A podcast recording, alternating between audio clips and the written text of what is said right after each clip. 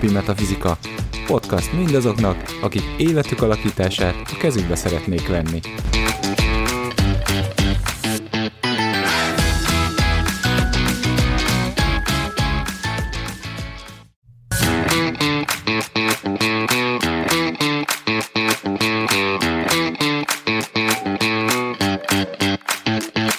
Mindennapi Metafizika. Podcast mindazoknak, akik életük alakítását a kezükbe szeretnék venni.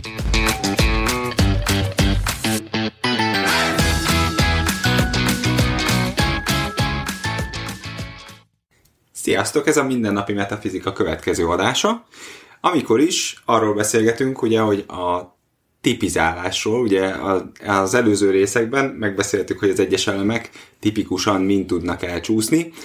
Igen ám, de azért ez sosem ennyire fekete-fehér, és ezt mindig-mindig elmondtuk minden egyes adásban, de most erről egy kicsit bővebben szeretnénk beszélgetni. Továbbra is itt van velünk Szalkó Zsuzsi. Sziasztok! A mikrofon mögött pedig Cekhalmi Etelka. És Baraksó Gábor.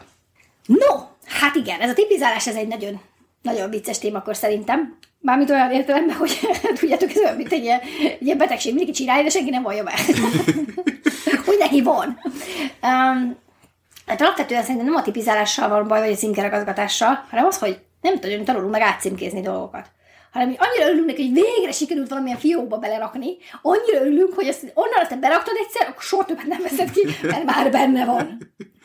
És hogy ez, amikor az ember ilyen, ilyen dolgokkal foglalkozik, vagy akár szellemi uh, utat jár, akkor ez egy nagyon nagy akadályá válik. Mert hogy a dolgoknak a rugalmasságát, a folyékonyságát, az egymásba alakulását pont, hogy elveszi. Vagy, vagy hogy olyan, mint meg akarnánk állítani egy természetes folyamatot, azzal, hogy azt mondjuk, hogy jó, de akkor ez most ilyen, és akkor legyen kedves ilyen maradni, mert különben nem tudom magam hozzá képest ugye e, igazítani. Mert hogy valójában a címkéket szerintem nem csak arra használjuk, hogy így felismerjünk dolgokat, meg így, ráragaszkassuk, hanem egyfajta mérföldkőként vagy térképként kezdjük el őket használni, hogy akkor jó, akkor, akkor ő itt van, és akkor nagyjából izé, de ha elkezdenek a mérföldköveink így mászni odébb a térképen, akkor az így elég, előbb-utóbb elég nagy zavart tud okozni. Igen, nincs mihez viszonyítanod, vagy nincs mihez magának viszonyulnod, hiszen akkor, hogyha állandóan változik a táptalaj, vagy állandóan változik a térkép ugye egy kicsit, most múltkor balra kellett menni, de most jobbra kell menni, akkor az úgy az ember könnyen elveszíti azt a, azt a stabilitást, és ha már szellemiségről beszélünk egy kicsit, ugye akkor az egónak szüksége van arra, hogy mindenütt stabil talajt érezzen a lába alatt, és a bizonytalanságot azt úgy nem nagyon csípi.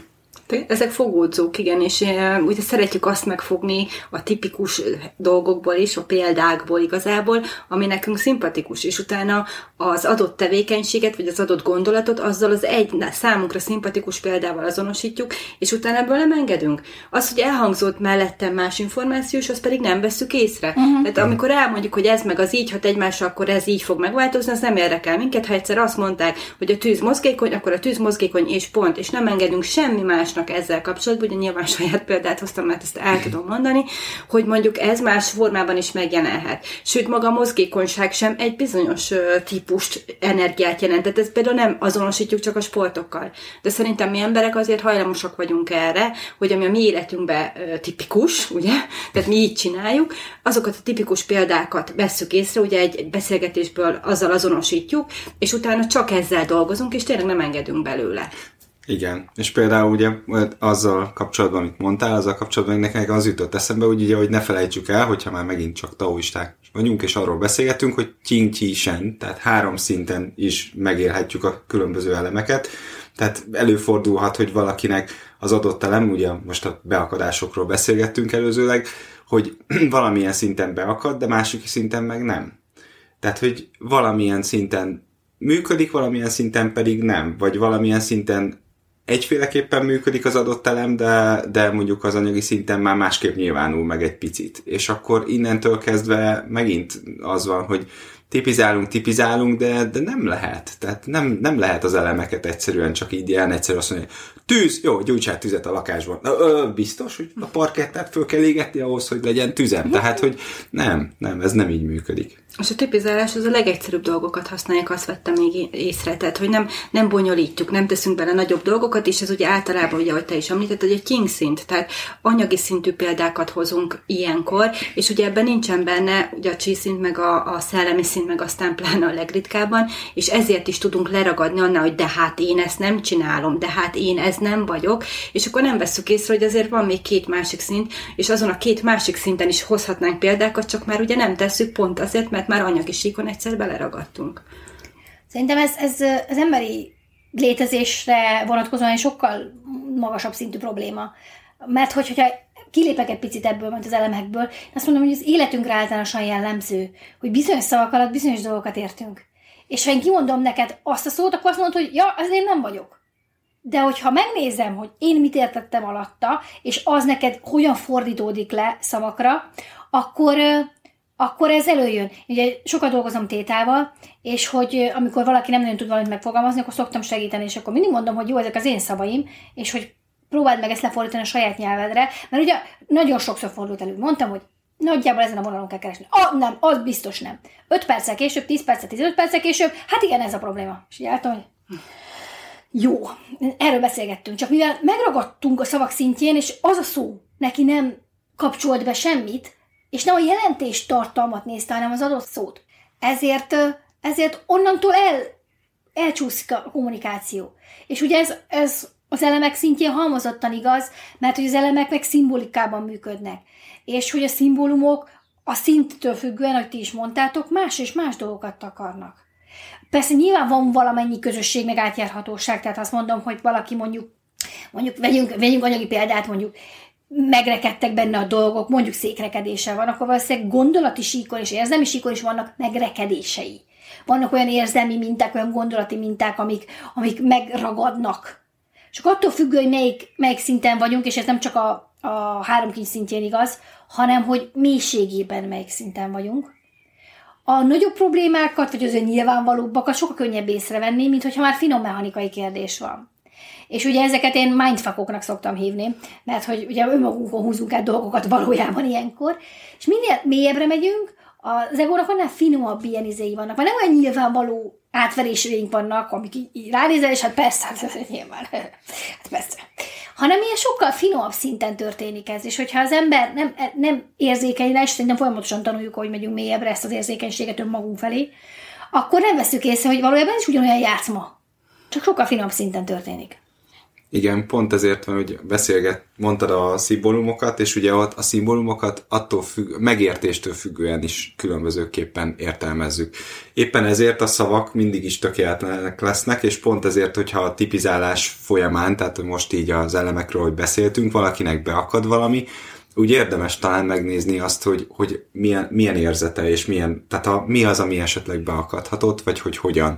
Mert hogy abszolút egyik elemnél sem az volt a cél, hogy, hogy lehúzzuk, hanem egyszerűen csak tényleg ö, valamilyen szinten az, ezek az elemek hajlamosak ezekre a dolgokra, de lehet, hogy megjelenik az életünkben, lehet, hogy nem, lehet, hogy földként megjelenik egy víztípusú dolog, mert sok a vízünk, nekem filmként tényleg sok a vizem, és rengeteg vizes dolgot meg tudok, meg tudok, keresztül tudok húzni valóban, amiket, amikről beszélgettünk, tehát akár tapasztalatban is jelentkez, jelentkezik ez a dolog, és, és megjelenik. Tehát, hogy tényleg az, hogy egyszerűen csak ezek a tisztán, próbáltunk tisztán beszélni mindig a dolgokról, lehető legjobban, de nincs olyan, hogy teljesen tiszta. Valami rengeteg minden képlet dinamikában rengeteg minden beleszól egy ember életébe, de az alapműködést esetleg érdemes, vagy érdemes, vagy könnyebb volt felismerni az alapján, amik, amikről beszélgettünk. Ezek tényleg csak támpontokként próbáltunk szolgálni velük. És szerintem az is fontos, hogyha hogyha valami úgy akad be, na ezért biztos nem vagyok, ott érdemes körbenézni egy kicsit. Mert amikor így akad be, amikor erős érzelmi tartalom van a mögött, hogy na ez tuti nem, akkor ott, ott biztos van közünk ahhoz az adott dologhoz, és azért jön ez az, ez az erős érzelmi reakció. Hát én még azt tettem volna hozzá, hogy ugye azért is hívtatok meg engem is ebbe az adásba, mert hogy ugye három különböző típusú elemhez tartozunk, három különböző típusú emberek vagyunk, különböző helyzetben élünk, és hogy éppen ezért ugye különböző módon tudunk beszélni ezekről a helyzetekről, és a példáink is ugye mások lesznek, és nyilván ez is elősegíti azt, hogy talán ez a tipizálás egy kevéssé legyen fehér-fekete, hogy te fogalmaztál, tehát hogy olyan érthető legyen, de hogy még ezek is tipik, tehát ezek is tipizálások, amiket mi különbözőképpen mondunk, és hogy az embernek szerintem az érzetét kell leszedni. Tehát amikor azt érzed, hogy hú, ez a példa megragadott, akkor nem a példát kell kutatni, hanem azt az érzést, amiben azt gondoltad, hogy valamihez kapcsolódtál. És hogyha azt vissza tudod magadnak forgatni, akkor szerintem azt tudod utána használni. Köszönöm szépen, hogy lefordítottad, valóban így tettem, amit mondtál. Ez nagyon fontos, amit a Zsuzsi mond, és az is, hogy gyakran csináljuk azt is, és szerintem ez megint általános emberi viselkedés nem az ötelemre vonatkozó, vagy bármilyen rendszer, amit tanulunk, hogy kiragadjuk a kontextusból a dolgot. És azt mondjuk, hogy de hát ezt mondtad. De amikor mögé teszed azt, hogy ez milyen környezetben hangzott el, és milyen szögösszefüggésben, hogy valójában értelmezi azt az adott dolgot, ami elhangzott, akkor lehet, hogy már itt tök más akár az ellentétet is ki tudjuk belőle hozni, mert kontextusból kiragad egy a mondat, ugye a szavak miatt, az jelenthet nagyon sok mindent. Ha visszateszem a kontextusába, hogy hol hangzott ez el, akkor értelmeződik.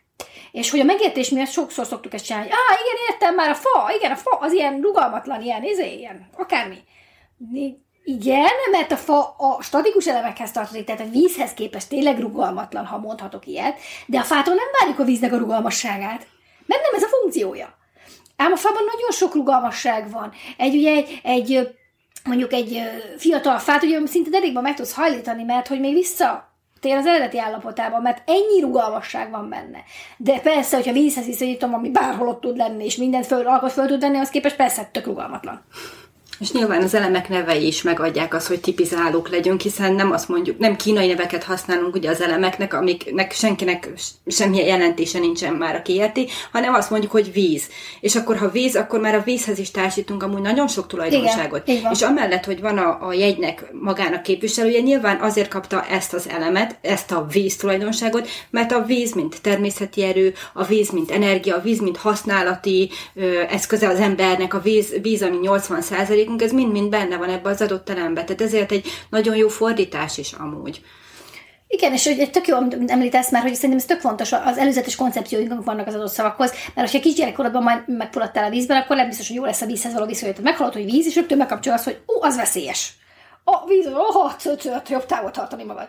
És hogy ez is, ez is rajta van, és hogy emiatt is megnehezíti esetleg az adott dolog megértését, hogy mi az a koncepció halmaz, amivel érkezünk az adott dologba.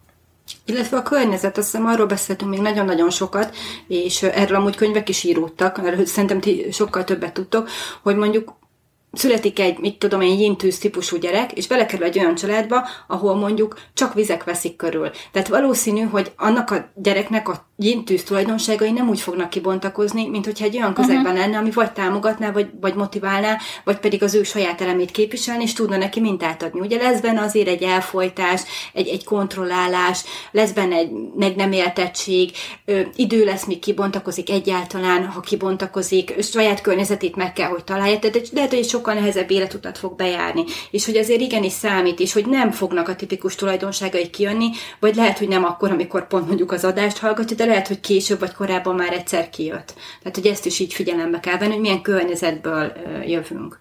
Igen, szóval itt már nagyon sok szempontot említettünk, ugye a koncepciókat, amik ezzel kapcsolatban vannak, a környezetet, a, a képlet dinamikát, a megnyilvánulásokat, a viszonyulásokat, tehát a képlet, két képlet mondjuk hogyan tud egymáshoz viszonyulni, tehát két ember hogyan tud egymáshoz viszonyulni, és akkor ehhez jönnek az időszaki hatások, a tíz éves szerencseperiódus hatása, vagy mondjuk egy évnek a hatása, ami ugye teljesen meg tudja változtatni, mert mondjuk az idei évet mondjuk egy tűztípusú ember nem ugyanúgy fogja megélni, mint egy földtípusú ember. Mert hogy más jelent neki a saját dinamikája szempontjából az, ami jön.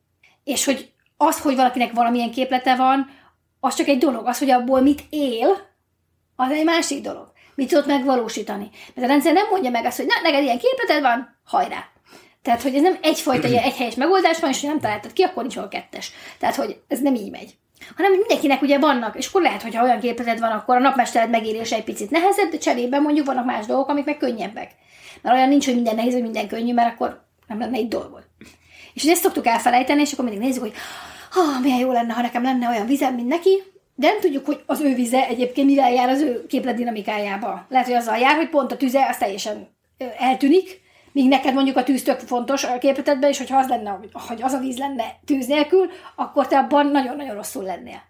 Tehát mindig kivesszük kiveszünk ilyen megint kontextusból kiragadva dolgokat, és mondjuk, hogy ah, egyszerű, azt szeretném. Igen. Tehát tulajdonképpen a saját életünkben érdemes megnézni, hogy az elemek hogy jelennek meg, és esetleg hogyan tudnak beakadni a saját képletünkbe, hogyha éppen beakadnak, vagy hogyan tudjuk őket működtetni, amikor éppen ugye nem sokára azt arról kezdünk el beszélgetni, hogy milyen pozitív tulajdonságai vannak az egyes elemeknek, hogy akkor azt, azt mi magunk hogyan tudjuk, vagy egyáltalán már hogyan éljük meg, már most is, jelen pillanatban az életünkben. És vagy hogyan tudjuk még jobban kibontakoztatni tudatos munkával, esetleg odafigyelve jobban belemenve az adott elembe, és azt mondjuk, hogy ja igen, tudom, hogy én tűz vagyok, fára van szükségem, kevés van belőle, akkor milyen tevékenységek, vagy milyen gondolkodás esetleg tartozik hozzá, és hirtelen már is pozitívabban tudjuk működtetni esetleg a saját képletünket. Arról nem is beszélve, hogy 15-20 perc nem elég ahhoz, hogy egy elemet kitárgyaljunk. Tehát, hogy kiragadtunk egy-egy példát, amiket jellemzően, amiket találkoztunk az életünk folyamán, vagy amik, amik a legjellemzőbbek az adott elemre, de ez korán sem teljes körű.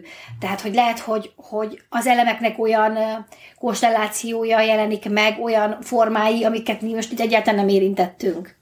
Illetve ugye a, már beszéltetek róla több ugye adásban is, hogy azért a képlet dinamikára, ugye így most említetted már az elején, de hogy amikor megjelenik a holdmester, tehát egy olyan elem a képletedben, ami esetleg sokkal erősebb, mint a te napmestered, akkor nagyon sokszor belekerülhetsz abba a helyzetbe, hogy azt szerint fogsz működni, mert neked ez a kényelmesebb. Mm. És szerintem én azt értettem meg belőle, de tényleg javítsatok ki, ha nem így van, hogy a napmester megélése és a tipizálás, mert ugye felmerülhet a kérdés, hogy akkor miért csináljuk, nem? Van egy képletdinamika, mindenki felker megkeresi az adott embert, aki tud ezzel foglalkozni, és elmondja a saját képletének a jelentőségét, nyilván ez a végcél. Miért fontos akkor, hogy tudjuk, hogy mi a napmesternek a jelentősége, és ugye én ezt értettem meg ebből a rendszerből, hogy a napmester attól függetlenül, hogy az neked kevés, hogy nem támogatott, vagy hogy sok és nagyon támogatod, attól leszel boldog. Tehát ebben az életben te akkor tudsz mm. jól működni, hogyha a napmesteredet tudod élni.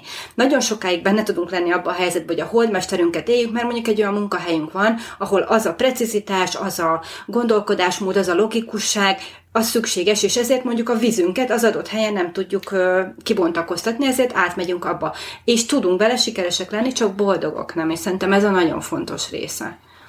Igen, ez tényleg nagyon fontos. No, hát igazából ennyit akartunk röviden elmondani arról, amit szerintem rendkívül fontos tudni, amikor tipizálás esete forog fönt, hogy, hogy milyen olyan háttér dolgok vannak, amikre hajlamosak vagyunk, és hogy figyelni azokra, hogy, hogy hát nem is azt mondom, hogy ne csináljuk, mert ezt nagyon nehéz nem csinálni, de legalább tudatosan tudjuk ezeket látni, és hogyha tudatosan látjuk ezeket, akkor vissza tudjuk bontani, hogyha csináltuk. Vissza tudjuk bontani az esetleges koncepcióinkat, amiket rátettünk, vissza tudjuk ö, tenni a kontextusba, hogyha levettük róla, és, és hasonló. És hogy haladunk tovább, és hogy a pozitív ö, diszkrimináció és ugyanúgy diszkrimináció. Tehát most ugyanúgy fogunk tipizálni a pozitív oldalon, ahogy a negatívan tettük, és néhány olyan tipikus pozitív dolgot fogunk elmondani az adott elemekhez, amik jellemzőek rájuk. Ám itt is, itt is érvényes ugyanaz, hogyha nálatok nem, vagy nem így jelenik meg, azt nem jelenti feltétlenül az, hogy akkor most én nem is fagytok mondjuk adott esetben, hanem eltévedtetek valamerre, hanem, hanem az, hogy nézzük meg, hogy ennek mi a mélyebb jelentése, milyenek a különböző megnyilvánulási formája, ne ragadjunk le a szavaknál, vagy az adott kifejezésnél, amit éppen hallunk.